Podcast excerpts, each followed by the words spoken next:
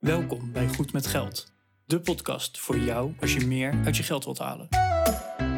Je financiën op orde of eerder kunnen stoppen met werken? Schuif aan, want hier zijn we goed met geld.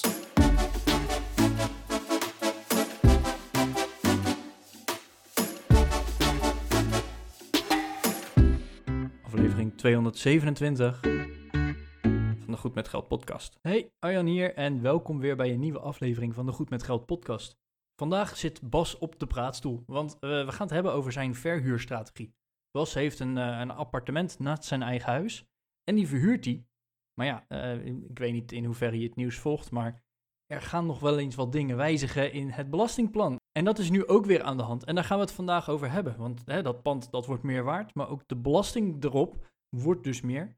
Uh, de belastingregels wijzigen.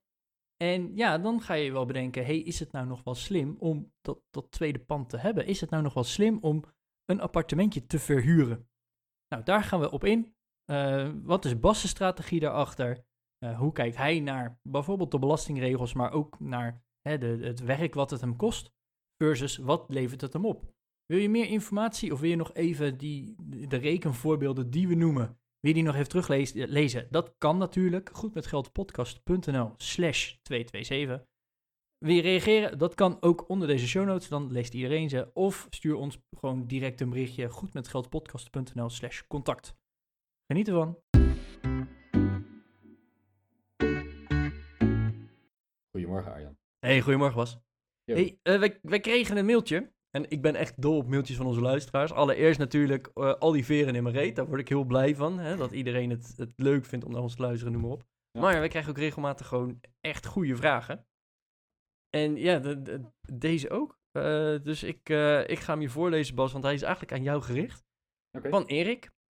Ja, de- deze ging vooral, vooral eigenlijk over jouw, jouw cashflow en je verhuurpand. Uh, dus, uh, nou, uh, hi, super interessante podcast, vinden wij ook. En toffe onderwerpen. Ik ben begin dit jaar op jullie podcast gestuurd en heb op bijna alle afleveringen geluisterd.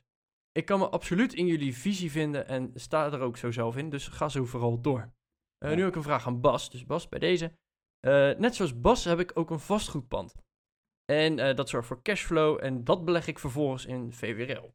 Op dit pand heb ik ook een hele lage rente, waardoor het qua rendement heel interessant is.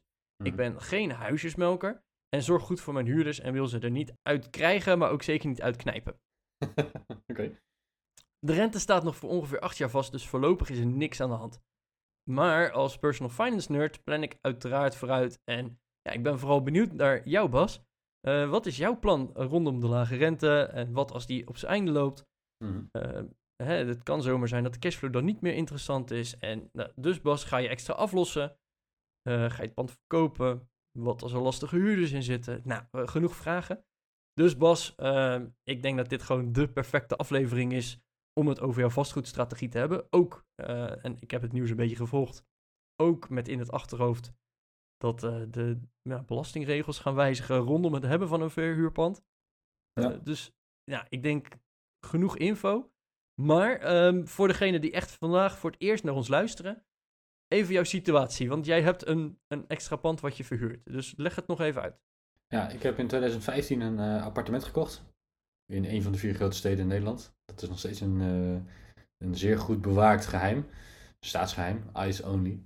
Uh, dus Arjan, je mag het ook niet opschrijven, hè, bijvoorbeeld. Het is, je mag het weten, maar je mag het niet opschrijven. Dat is... Oh shit. Um, oh jee. Pakt zijn gum. um, dat kocht ik in uh, 2015 en in 2015 was de markt uh, als koper vrij gunstig, want het uh, appartement dat ik kocht was hartstikke nieuw, gebouwd in 2012. A-label energie, 75 vierkante meter, dus ik, nou, het is niet een heel klein hockey. Um, en ik kocht het voor een best wel interessant bedrag. Het stond al een maand of acht te koop of zo, denk ik, toen ik mijn handtekening zette. In de tussentijd was de, uh, de vraagprijs al twee keer geza ge gezakt. Uh, de oorspronkelijke vraagprijs was al beneden de vrije naamprijs van toen het nieuw gebouwd werd. Hè, want het, is, het was drie jaar oud toen ik het kocht, dus ik heb het van de eerste eigenaar gekocht. Ja. Um, en ik was dan ook nog zo'n eikel die dan nog een beetje onder de vraagprijs bood. En ik denk, ja weet je, ik heb geen haast, ze kunnen nee zeggen. Dus dat ga ik gewoon proberen. En toen hebben we ergens, uh, een, uh, hebben we het ergens midden, midden afgetikt, zeg maar. Dus ik heb op de, kon toen nog, Ja, het was ook echt een kopersmarkt op dat moment. Hè? want- absoluut, Ja, het begon net wat aan te trekken, maar eh, ik ja, had niet, panden ik had niet een jaar later te moeten zijn. De Ja. rente was op zich laag, hè? ook toen. Eh, ja, 2, eh, laag in de 2, zeg maar. Was Ja. destijds een beetje de rentestand. Ja. Dus dat, dat was op zich al wel prima. Alleen, ja, panden stonden, stonden gewoon wel lang te kopen. En mensen, de huizen waren gewoon niet zo, gingen niet als zoete broodjes zoals het tot, tot een jaar, anderhalf jaar geleden ging, zeg maar. Het is momenteel ook een beetje een gekke markt. Maar, ehm, maar destijds was het gewoon echt slechter dan nu. Veel slechter als je kijkt naar wat je moest betalen voor, eh, voor een huis. Ja. Dus ik heb wel een goede deal gemaakt. En ik heb daar jarenlang met plezier gewoond. We zijn eh, twee jaar geleden pas verhuisd. Ehm, maar ik heb het appartement niet verkocht. Ik heb het aangehouden. En eh, er zit een huurder in. Het is nog steeds dezelfde huurder. Dus ik heb in mijn hele verhuurcarrière één huurder gehad. eh, tot en met nu. Ik heb nog geen bericht van hem dat hij gaat opzeggen. Dus nou, het zal wel. Hij heeft een maand opzegtermijn. Dus op zich... Ja, het, hij kan op hele korte termijn natuurlijk wel zeggen... Yo, ik ben er volgende maand niet meer. Maar ehm, tot nu toe gaat het goed. De huur wordt netjes op tijd betaald. Dus dat eigenlijk. Dat, dat is mijn vastgoedavontuur. Dus zo, zo avontuurlijk is het niet. Ik heb niet een pand gekocht met het doel te gaan verhuren. Ik heb gewoon mijn pand niet verkocht, zeg maar. Dat, Ja. dat is het meer. Wat trouwens ook echt de, de, een hele strategische keuze is. Ja, tegenwoordig, eh, even de, de, de regel eromheen. Je hebt natuurlijk overdrachtsbelasting.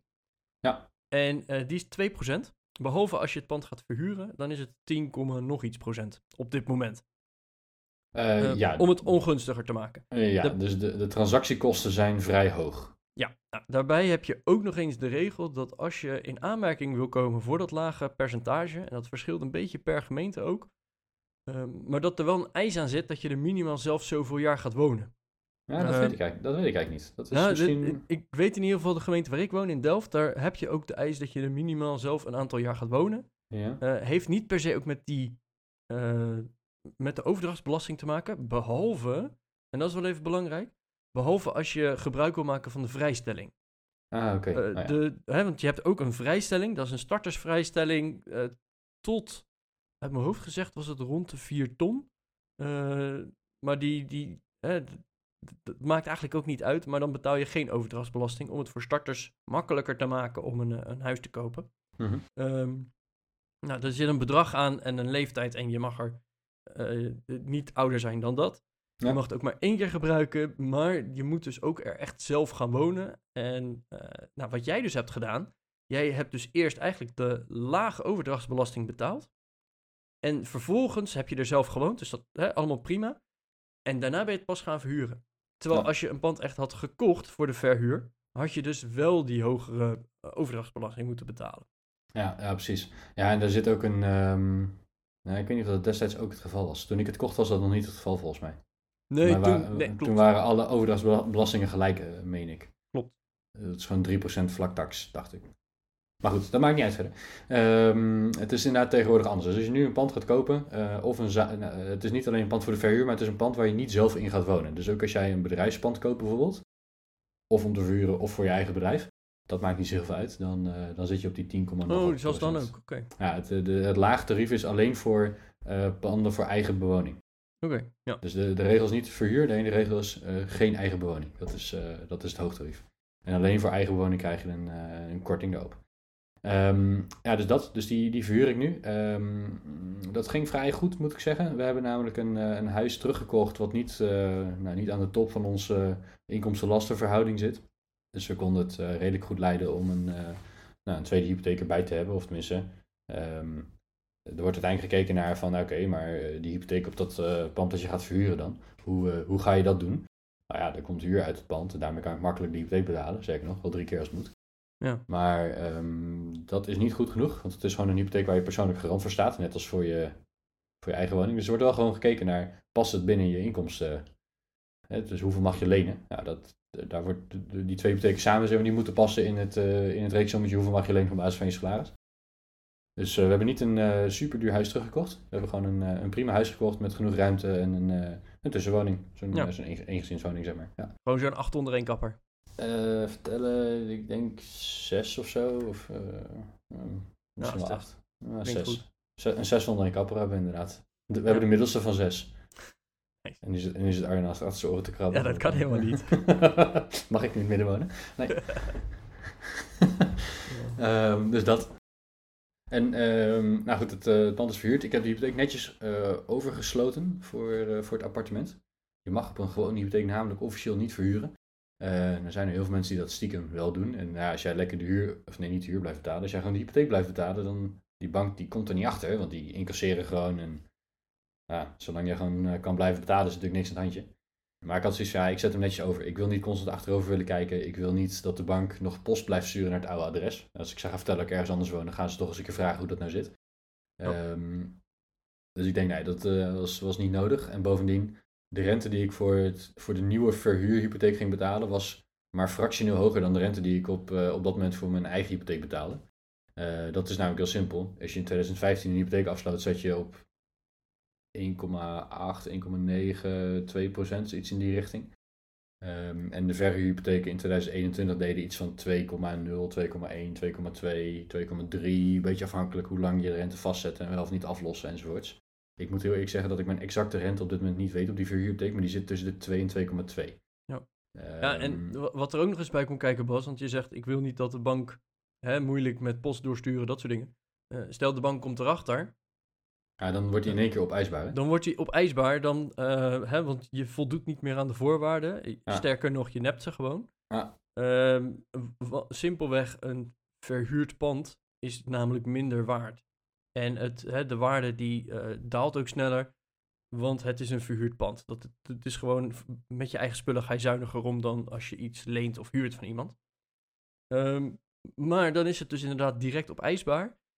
De bank zegt dus de hypotheek op. En dan kan je wel denken van, oh, maar dan vraag ik toch ergens anders een hypotheek aan. Ja, maar die doen ook hun onderzoek. En die gaan dus onderzoeken, waarom heb jij die hypotheek nodig?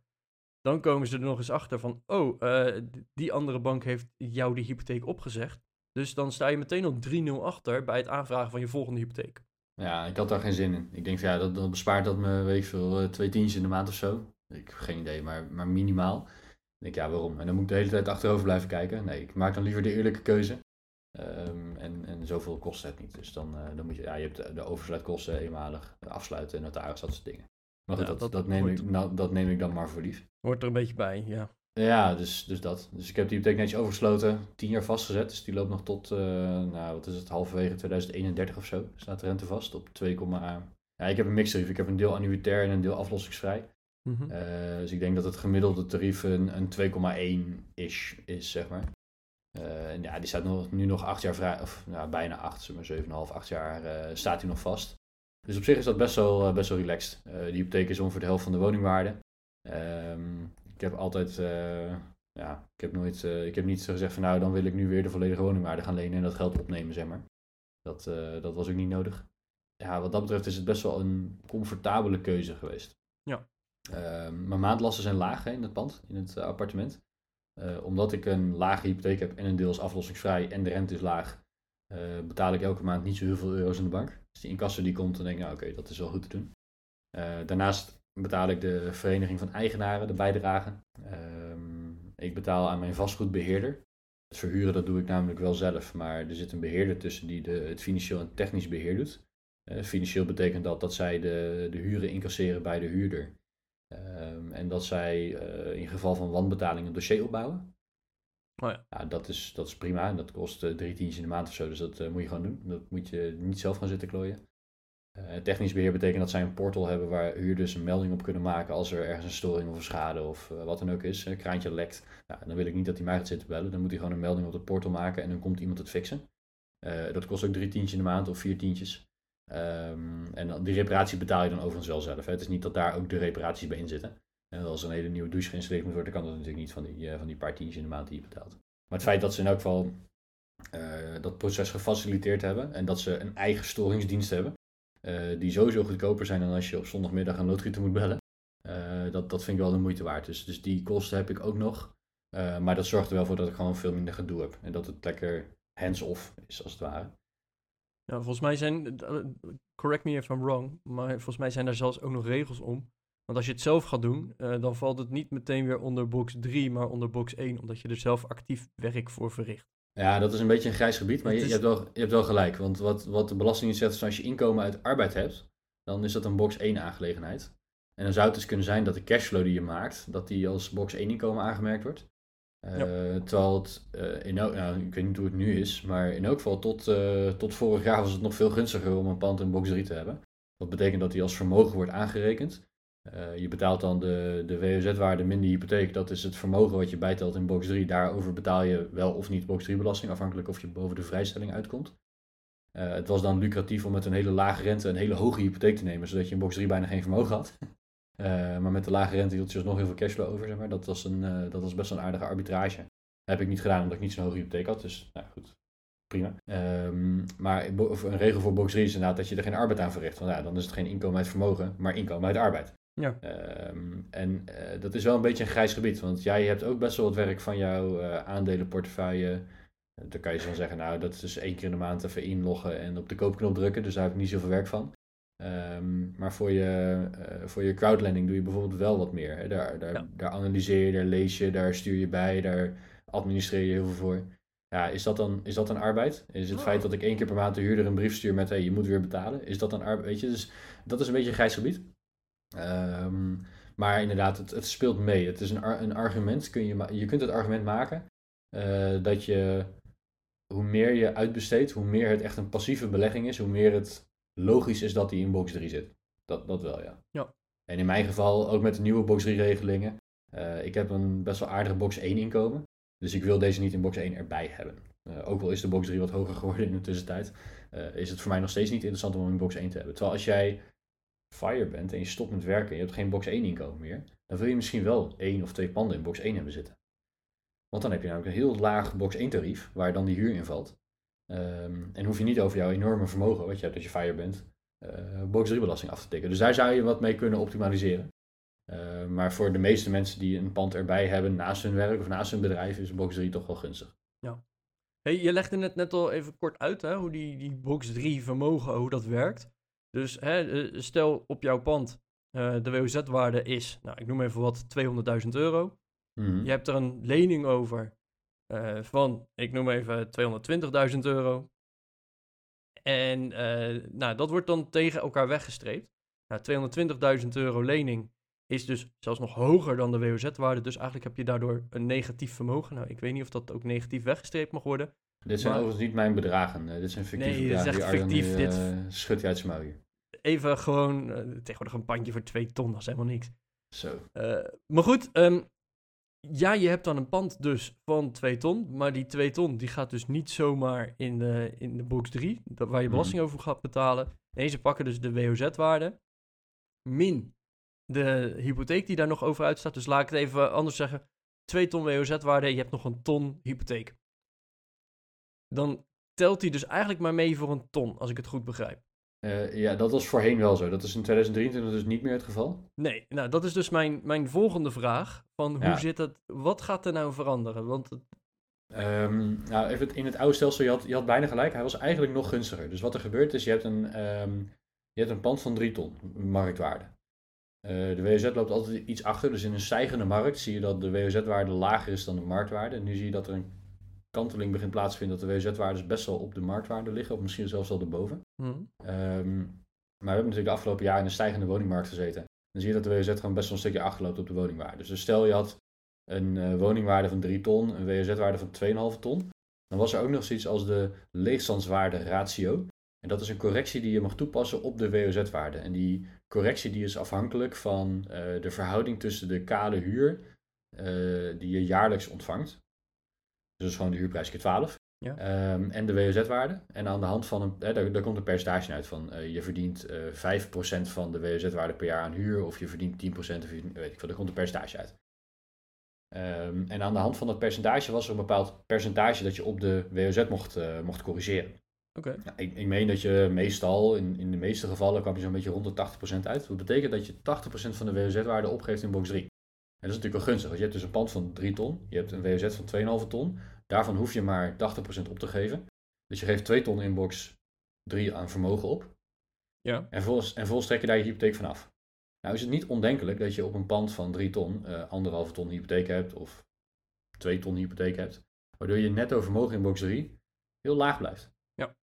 En waardoor je eigenlijk, en zeker als je nog een vrijstelling hebt, voor fiscaal partners was dat een ton, is dat tegenwoordig 105 of 110.000 of zo. Ik heb geen idee precies, moet je even opzoeken. Ehm, Maar dat was een hele gunstige regeling. En eigenlijk, hij sloeg nergens op. Ik, ik, ja, ik had er voordeel van, maar ik vond het een stomme regeling. Want waarom zou je korting op mijn WOZ krijgen? Dat slaat nergens op. Maar goed, Nee, dat, ja, dat, eh, dat, is dus tegenwoordig niet meer zo. Ehm, maar dat was best wel een hele gunstige regeling om je pand in box 3 te hebben. Dat betekent namelijk dat je met een beetje hypotheek, stel je hebt twee, twee derde van de hypotheek, eh, of nee, twee derde van de woningwaarde als hypotheek. Nou, dat is niet heel gek. Nee. Ehm, met een hele lage rente, waardoor je cashflow gewoon gunstig blijft. Ehm, en, een, eh, en een correctie op de WOZ en een iets achterlopende WOZ-waarde had je gewoon 0 euro box 3 vermogen. Dus je betaalt geen vermogensbelasting, terwijl je wel cashflow maakt uit de belegging. En dat was best een, een gunstig stelsel, fis- fiscaal gezien, om in vastgoed te beleggen. Ja. Dan zie je dat het tegenwoordig wat anders is. Eh, enerzijds omdat de WOZ-waardes gewoon echt fors hoger zijn geworden. Ehm, waardoor die box 3 eh, aanslag ehm, forser wordt. Dat, Ja, want wat aan. eerst eh, anderhalve ton WOZ-waarde was, dat is nu opeens 3 ton WOZ-waarde. Ja. Je hypotheek is nog steeds anderhalve ton. Ja, dus, die, ja, dus hè, dat, was, ja. dat streepte echt tegen elkaar weg. Dus dan had je nul eigen vermogen en nu heb je opeens 150.000 euro eigen vermogen, Ja, waar je ja. dus belasting over moet betalen. Dat, dat is inderdaad een dingetje. De, de, die, die, die suffe leegstandswaarde ratio is ook afgeschaft. Dus eh, je moet gewoon lekker 100% van de WOZ opgeven in box 3. Eh, en terecht overigens vind ik. Eh, je corrigeert nog wel met de hypotheek. Maar wat ze nu hebben gedaan is, en ik snap de reeksom niet helemaal. Ik heb het geprobeerd om uit te zoeken. Ik ben best een intelligente gast en ik snap de wiskunde erachter. Maar ik snap niet zo goed hoe het effect dan is eh, als je gaat draaien aan een paar knoppen. Zoals wat doet de WOZ, wat doet je huurinkomsten, wat doet je eh, hypotheekaflossing. Ja. Ehm, maar wat er volgens mij gebeurt, is dat ze nu gaan kijken naar het voordeel in box 3 in verschillende categorieën. In het nieuwe stelsel. Oké, Dat betekent dus dat ze niet meer zeggen, wat is de waarde, de WZ-waarde minus de hypotheek, en dat is je vermogen, dat slaan we aan. Nee, ze gaan nu zeggen, oké, je hebt een box 3 WOZ-waarde, die slaan we aan alsof het een belegging is, dus tegen 5,8% of zo. ja. Dat is jouw voordeel uit beleggen. Mhm. Eh, dus je hebt een eh, pand van 3 ton eh, box 3. Eh, Het is een beetje gestegen sinds de afgelopen jaren. En over die 3 ton moet je 5,7% procent eh, opgeven als zijnde dat is jouw inkomen uit die belegging. En daarvan mag je aftrekken 2,7%. 2,75% was het geloof ik. Ik weet niet wat de exacte percentages nu zijn hoor, maar dat was destijds het voorstel. Eh, je mag 2,7% van de waarde van de hypotheek mag je in mindering brengen daarop. Wat effectief betekent dat je de hypotheek niet meer volledig wegstreept tegen de waarde van de woning, maar dat de hypotheek nog maar voor de helft ongeveer meetelt. Ja, en dat is natuurlijk best wel suf. Dat betekent dat je box 3 ehm, een voordeel, waarover je uiteindelijk inkomstenbelasting in box 3 betaalt, eh, vele, vele ma- soms wel vijf keer zo hoog werd als dat het daarvoor was. Nou kun je argumenteren dat het oude stelsel niet helemaal eerlijk was. Dat is ook zo.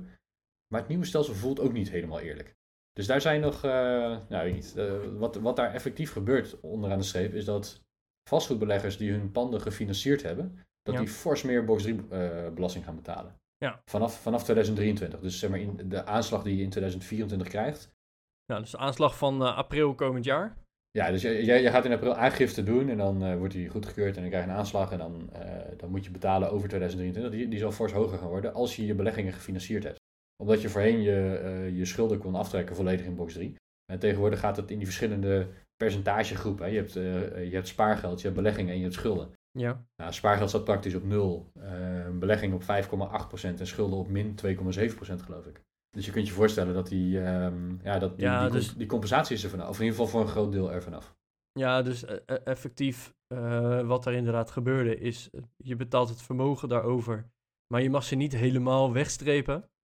Eh, want met de lening die je hebt in box 3, daar kan je weer op gaan investeren en daar dus weer rendement uithalen. Dus eh, Ja.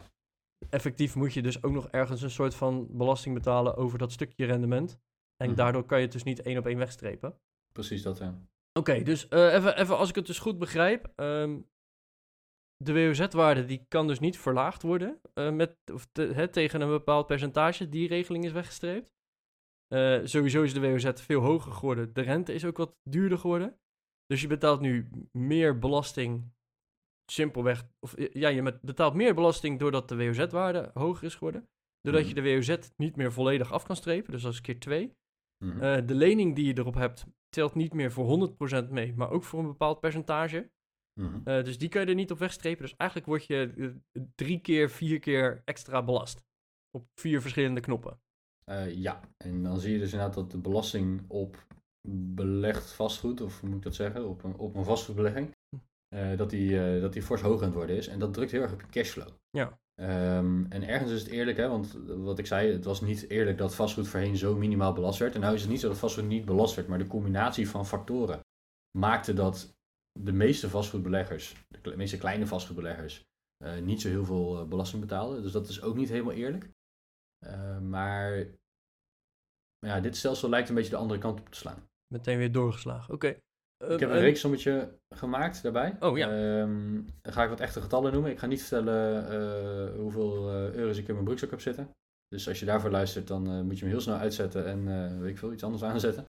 Ehm, maar in mijn huidige situatie betaal ik zeg maar zo'n, nou wat is het, Eh, 2,1, 2,2% hypotheekrente. Mhm. Ehm, en dat is een eurotje of 5000 per jaar. Niet aan rente, maar totaal aan financieringslasten.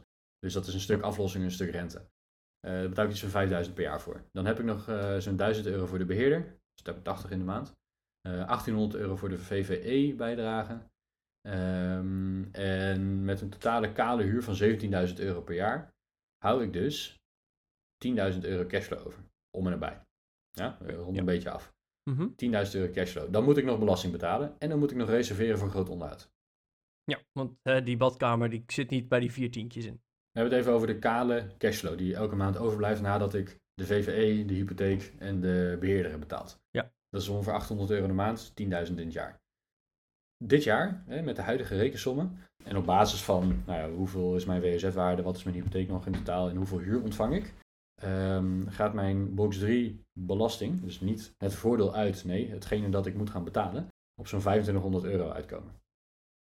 Ehm, die 2500 euro gaat eraf, hou ik dus zo'n, eh, wat zeggen we dan, eh 7500 euro aan cash over. En daarvan, daarvan moet ik nog gaan sparen voor groot onderhoud. Want ooit moet een keer de badkamer vervangen worden. Ja. Dat kost 10.000 of 15.000 tegen die tijd, geen idee. Dus daar, daar moet wel fors voor gespaard worden. Hetzelfde geldt voor de keuken, hetzelfde geldt voor, nou ja, whatever. Hè, eh, groot onderhoud van het dak en van de lift en dergelijke, zitten natuurlijk in die VVE-bijdrage, die betaal ik al. Eh, daar wordt natuurlijk in de vereniging voor gespaard. Dus daar hoef ik niet los voor te sparen, maar alles wat binnen het appartement zit, de vloer, de keuken, de badkamer, dat soort zaken, ja, die moet ik ooit een keer gaan vervangen natuurlijk. Ja. Dat, is, eh, dat is mijn verantwoordelijkheid. Dus dan zeg je van, hey, eh, 800 euro hou je zo in het handje over elke maand. Ja, dat is best interessant, maar dan moet je en nog belasting betalen en je moet nog sparen voor dat soort zaken. Als er een nieuwe keuken in moet, dan kan ik die in één keer aftikken. Dus uiteindelijk, ja, ik hou er wel wat aan over onderaan de streep, maar het is niet zo'n vetpot als mensen altijd maar denken.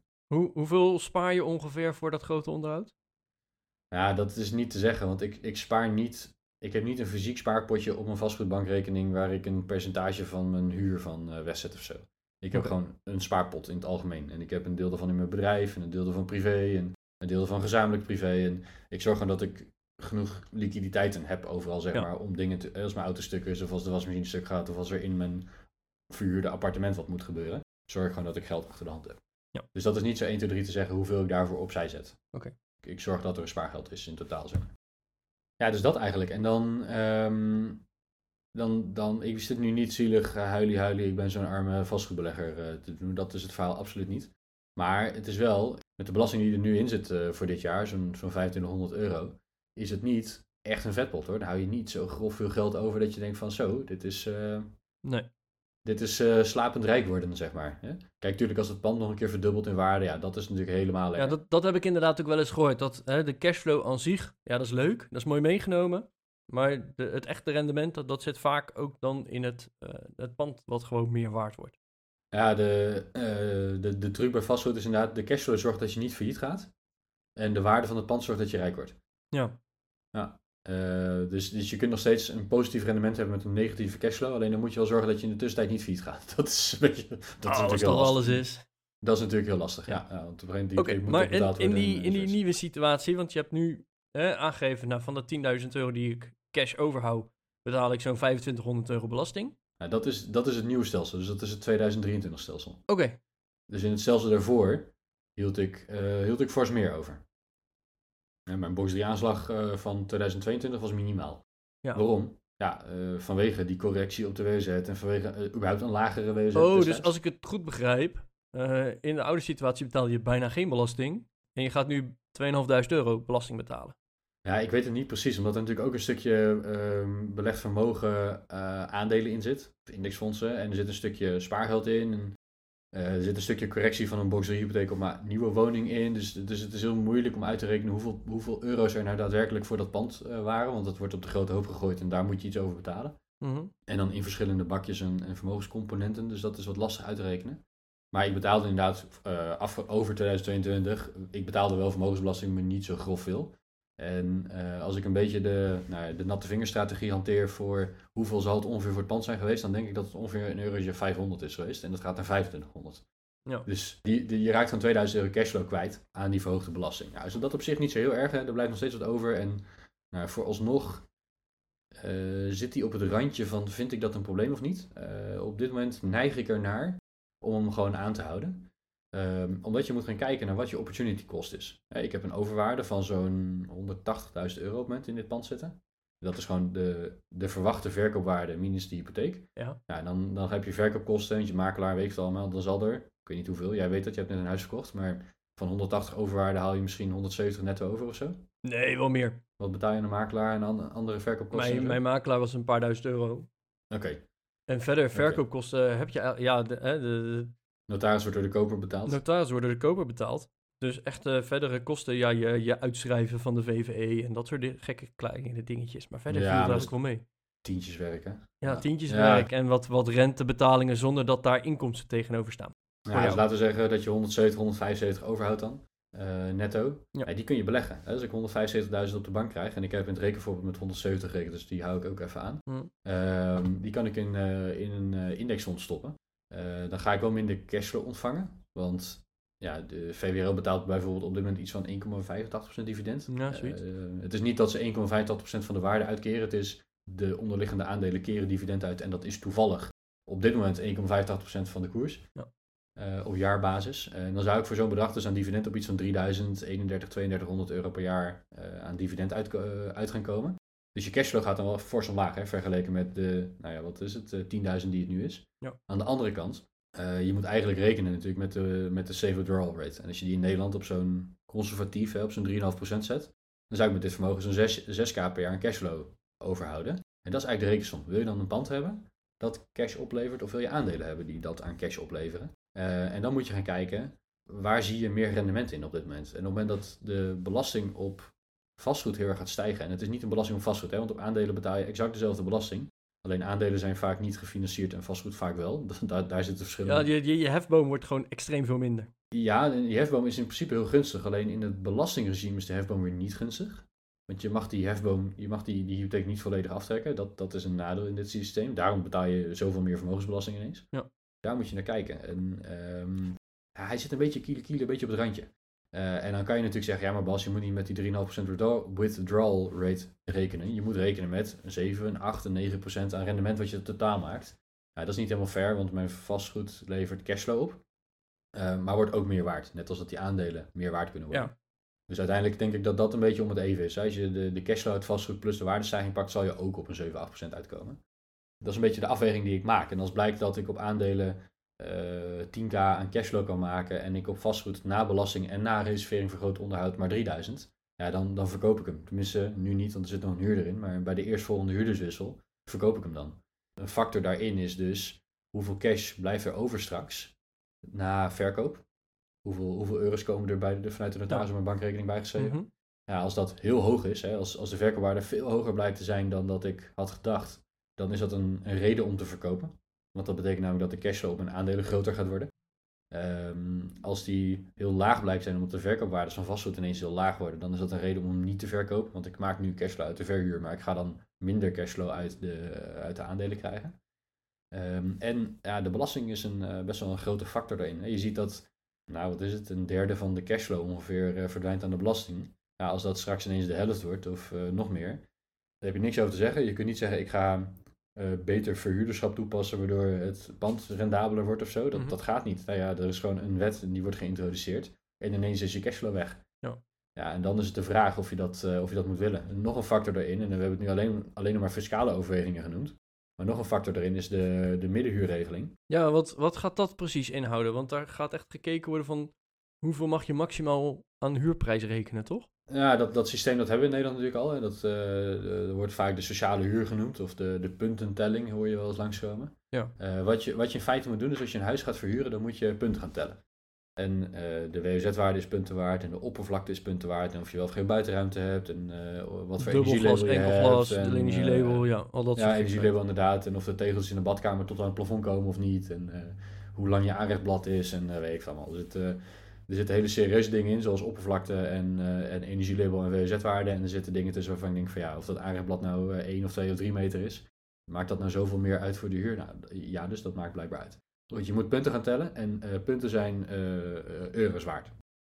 Ik weet niet hoeveel eh, precies, eh, maar eh, zoveel punten is eh, zoveel euro aan huur waard die je maximaal mag vragen. En als je onder een bepaalde puntengrens zit, dan is dat dus ook echt de maximale huur die je mag vragen. Ik weet niet de exacte aantallen, die zou je kunnen opzoeken. Eh, maar eh, grofweg komt het erop neer eh, dat als je rond de 800 euro aan punten zit, of daaronder, dan mag je niet meer vragen dan die huur die eruit komt. Dus stel je hebt een puntentelling toegepast, je komt op een maximale huur van 600 euro per maand, dan is 600 euro ook het max dat je mag vragen. Je mag daar niet boven gaan zitten. Als je dat wel doet, dan kan de huurder naar de huurcommissie stappen en dan kan jij gedwongen worden om de huur te gaan verlagen. Ja, Nou, dat is om ervoor te zorgen dat de onderkant van de samenleving beschermd wordt tegen nou, boefjes die voor veel te veel geld eh, hele slechte woningen aan het verhuren zijn. Hè? Kleine woningen, slecht energielabel enzovoorts. de klassieke huisjesmelkers, eh, het beeld ervan in ieder geval. Ja, dus de sociale huur houdt in, je zit in een pand met te weinig punten voor de vrije sector. En daardoor is de huur gemaximeerd op, nou ja, whatever, hoeveel punten dat ding waard is. Ja. Daarboven ben je vrij. Dus als jij qua puntentelling, het is niet als jij meer vraagt dan 800 euro, dan ben je vrij. Nee, als jij qua punten boven die 800 euro uitkomt, dan ben je vrij. Dan is het de marktwerking die bepaalt wat een, wat een pand waard is. Eh, en mag je dus vragen wat je wil. En dan kan je zeggen, joh, de marktprijs van dit appartement is 1200 euro. Ik reken 1200. Of ik reken 800. Of ik reken 2000. Dat mag je zelf weten. Ja.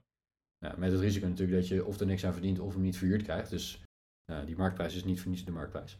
En die puntentelling, dat is de, de middenhuurregeling, hè, want eh, daar, daar hadden we het net over. De middenhuurregeling is dat die puntentelling opgerekt gaat worden. Dus de grens voor sociale huur gaat eh, naar boven getrokken worden. Ja. Waardoor woningen die op dit moment tussen de, wat is het, 11, 1200 euro, meen ik, zitten, qua punten, niet qua huur die je nu betaalt, maar qua punten, dat die ook in die, in die huurmaximalisatie gaan vallen. Nou ja, wat betekent dat als je nu een pand hebt dat je voor 1200 euro verhuurt, als de punten eigenlijk maar eh 1000 zijn, ja, dan ben je vrije sector, want je zit boven die grens Ja. met, je, met 1000, dus je mag er 1200 voor vragen. En blijkbaar betaalt de markt dat. Alleen als die grens wordt opgerekt, dan mag je opeens nog maar 1000 vragen. Gaat je cashflow met 200 euro in de maand omlaag, dat is 2500 euro per jaar, die is weg. Ja, en dan in dat in combinatie met een hogere box 3 belasting, betekent gewoon dat je van een belegging waar je nog wat cash aan overhield, als alles mee zat, in één keer niks meer overhoudt of zelfs negatieve eh, rendementen haalt. Ja, dan is het helemaal niet meer interessant om te verhuren. Ja. En, nou ja, het is niet heel eh, geheel eh, ongeloofwaardig. Dat is precies het idee van deze regeling. Verhuurders worden weggepest uit de markt. En dat is een, dat is een politieke beslissing. Ik vind daar wat van. Ehm, ik vind overigens wel dat er aan de woningmarkt iets gedaan moet worden hoor. Het is, eh, er is zeker een issue op de woningmarkt.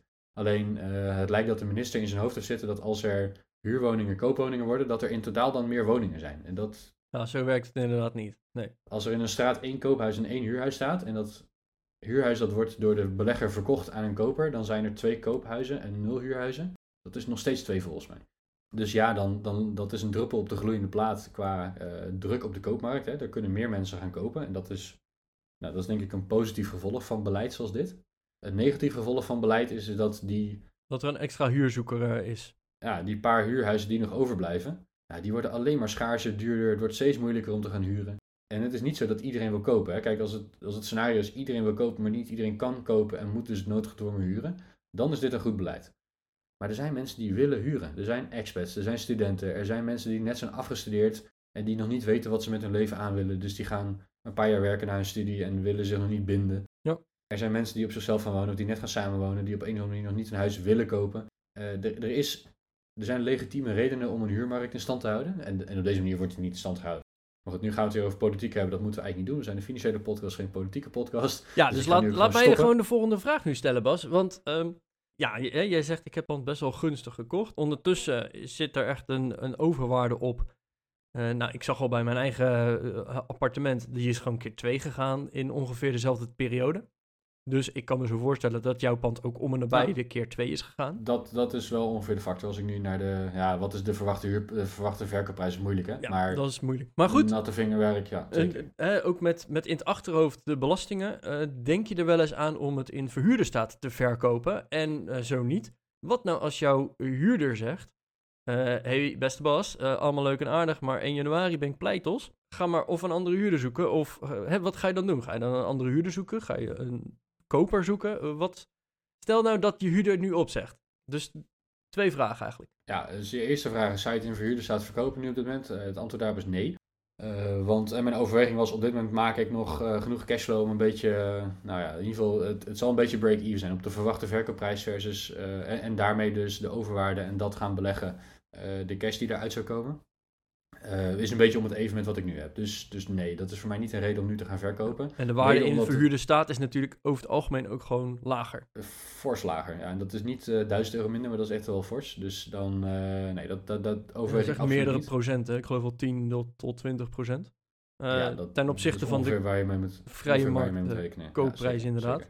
zeker. Omdat er een huurder in zit die je dus er niet zomaar uit mag kicken. Dat sowieso al. Eh, ja, en, en, de, en jouw potentiële koopmarkt is gewoon kleiner, hè? Want Ja. je kan niet een... Als ik nu een appartement zou kopen met een huurder erin, dan moet ik verhuurder worden. Ja. Terwijl als ik een leeg appartement koop, dan kies ik ervoor om of er zelf te gaan wonen of om te gaan verhuren. En er zijn nou eenmaal meer mensen die die twee keuzes willen maken dan, dan de mensen die willen verhuren. Dus de waarde in verhuurde staat is gewoon lager. De markt, de doelgroep is kleiner. eh, risico's zijn groter enzovoorts. Eh, dus nee, dat is geen overweging. Als mijn huurder opzegt, wat ga ik dan doen? Ja, dat is een hele goede vraag. En daar hebben we het net eigenlijk al over gehad. Dat hangt deels af van eh, wat die huurmaximalisatie gaat doen. Want die gaat heel erg op de cashflow inhakken. Ja. Eh, dat gaat ook eh, afhangen van wat box 3 eh, verwacht gaat doen volgend jaar. Want dat gaat heel erg op de cashflow inhakken. En dat gaat afhangen van wat is nu de huurprijs die je kan vragen. Want ik heb natuurlijk een huurder erin zitten die er al twee jaar zit. En je indexeert jaarlijks de huur. Maar misschien is de marktprijs wel veel hoger of veel lager. Dat weet ik eigenlijk niet zo goed. Eh, dat is iets wat ik tegen die. Ja, ik, ik kijk af en toe, ik probeer het een beetje in de gaten te houden. Maar ja, je kunt er toch niks aan veranderen. Dus eh, op het moment dat het gaat spelen, dan gaat het spelen. Ja, maar kijk je dan bijvoorbeeld ook naar de waarde van de woning? Want hè, kijk, nu is die keer 2.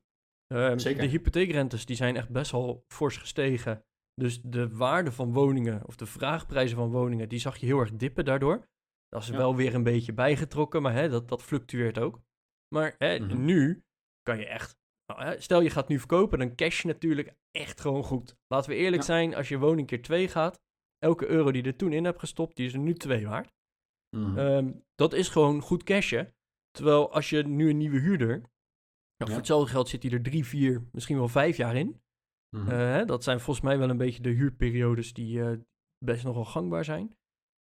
Voor hetzelfde geld is jouw pand over vijf jaar of precies hetzelfde waard. Nou, door inflatie is dat dus technisch gezien gewoon minder. Eh, of de prijs wordt misschien wel gewoon minder, omdat de hypothe- hypotheekrentes nog gekker gaan doen. Vraagprijzen nog gekker gaan doen. Eh, hè, de, de, de markt kan ook zomaar omslaan. Ja. Hoe, hoe kijk je daar dan tegenaan? Nou, de markt van beide kanten op eh, omslaan. Ja, Dus zeker. daar, kijk, daar kijk ik wel naar, maar je hebt natuurlijk een aantal. uiteindelijk is de prijs een kwestie van vraag en aanbod. Zeker. Tenminste, gelukkig hebben we nog een vrije markteconomie. enigszins. De, de overheid stuurt er wel een en ander in, natuurlijk, fiscaal gezien en qua regelgeving, maar eh, grotendeels nog vraag-aanbod gestuurd. Betekent dat als er veel vraag is, dus of als mensen heel veel kunnen betalen omdat de rente laag is, of omdat er een tekort is, ga je zien dat de prijzen stijgen. Op het moment dat mensen minder te besteden hebben omdat de rentes hoog zijn, eh, of omdat er gewoon genoeg woningen zijn voor jou tien anderen, ja, dan, dan zie je dat, dat prijzen dalen. Dat is een beetje hoe de, hoe de huizenprijzen tot stand Ja, maar komen. hou, hou je daar dan...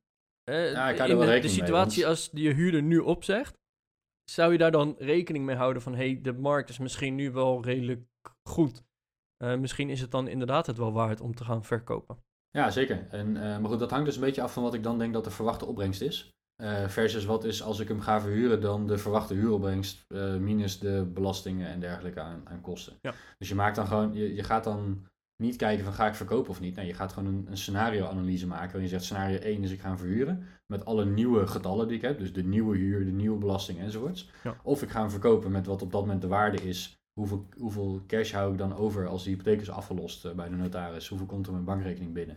En dat ga ik beleggen. Daar komt een bepaald rendement of een verwachte cashflow uit. Nou, dan mag je even grofweg met een 3,5% regel rekenen. Want dat is nou eenmaal de cashflow waar je mee kunt rekenen als je eh, van je aandelenvermogen zou willen leven. En dan, eh, dan is dat hem denk ik een scenario waarin je kan zeggen, oké, ehm, het is om het even, dan zijn aandelen een stuk minder moeite, dus dan zou ik dat doen. Of eh, aandelen leveren veel meer op, dus dan moet je dat doen. Of vastgoed levert veel meer op en dat is misschien het additionele eh, risico wel waard.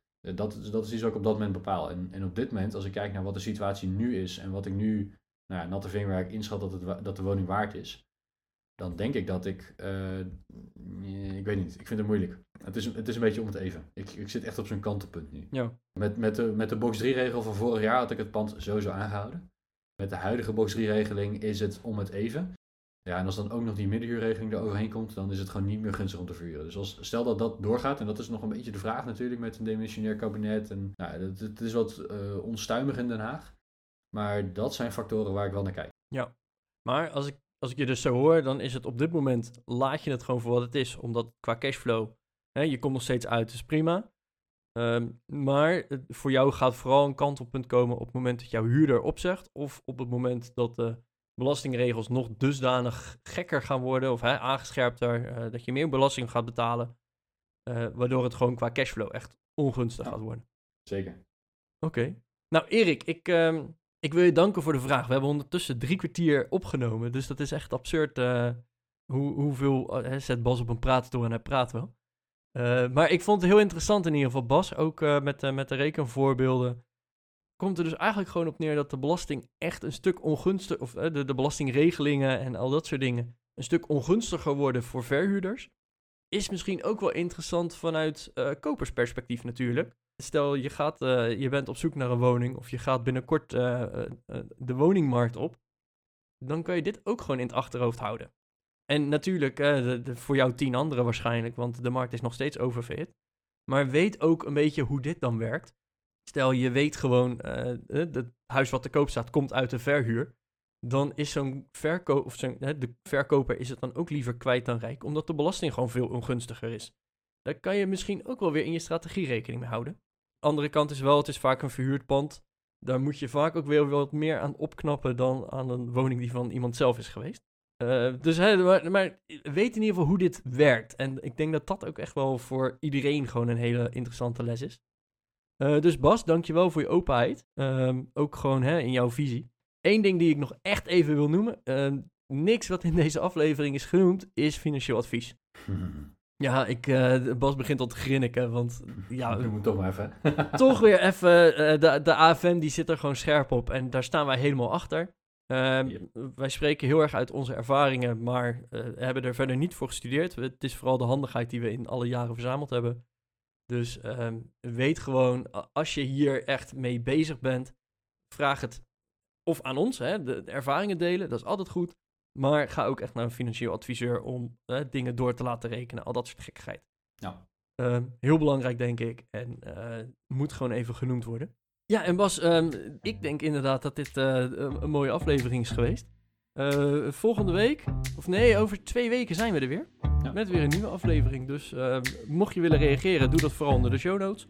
En anders zien we jullie de volgende keer weer. Tot de volgende keer.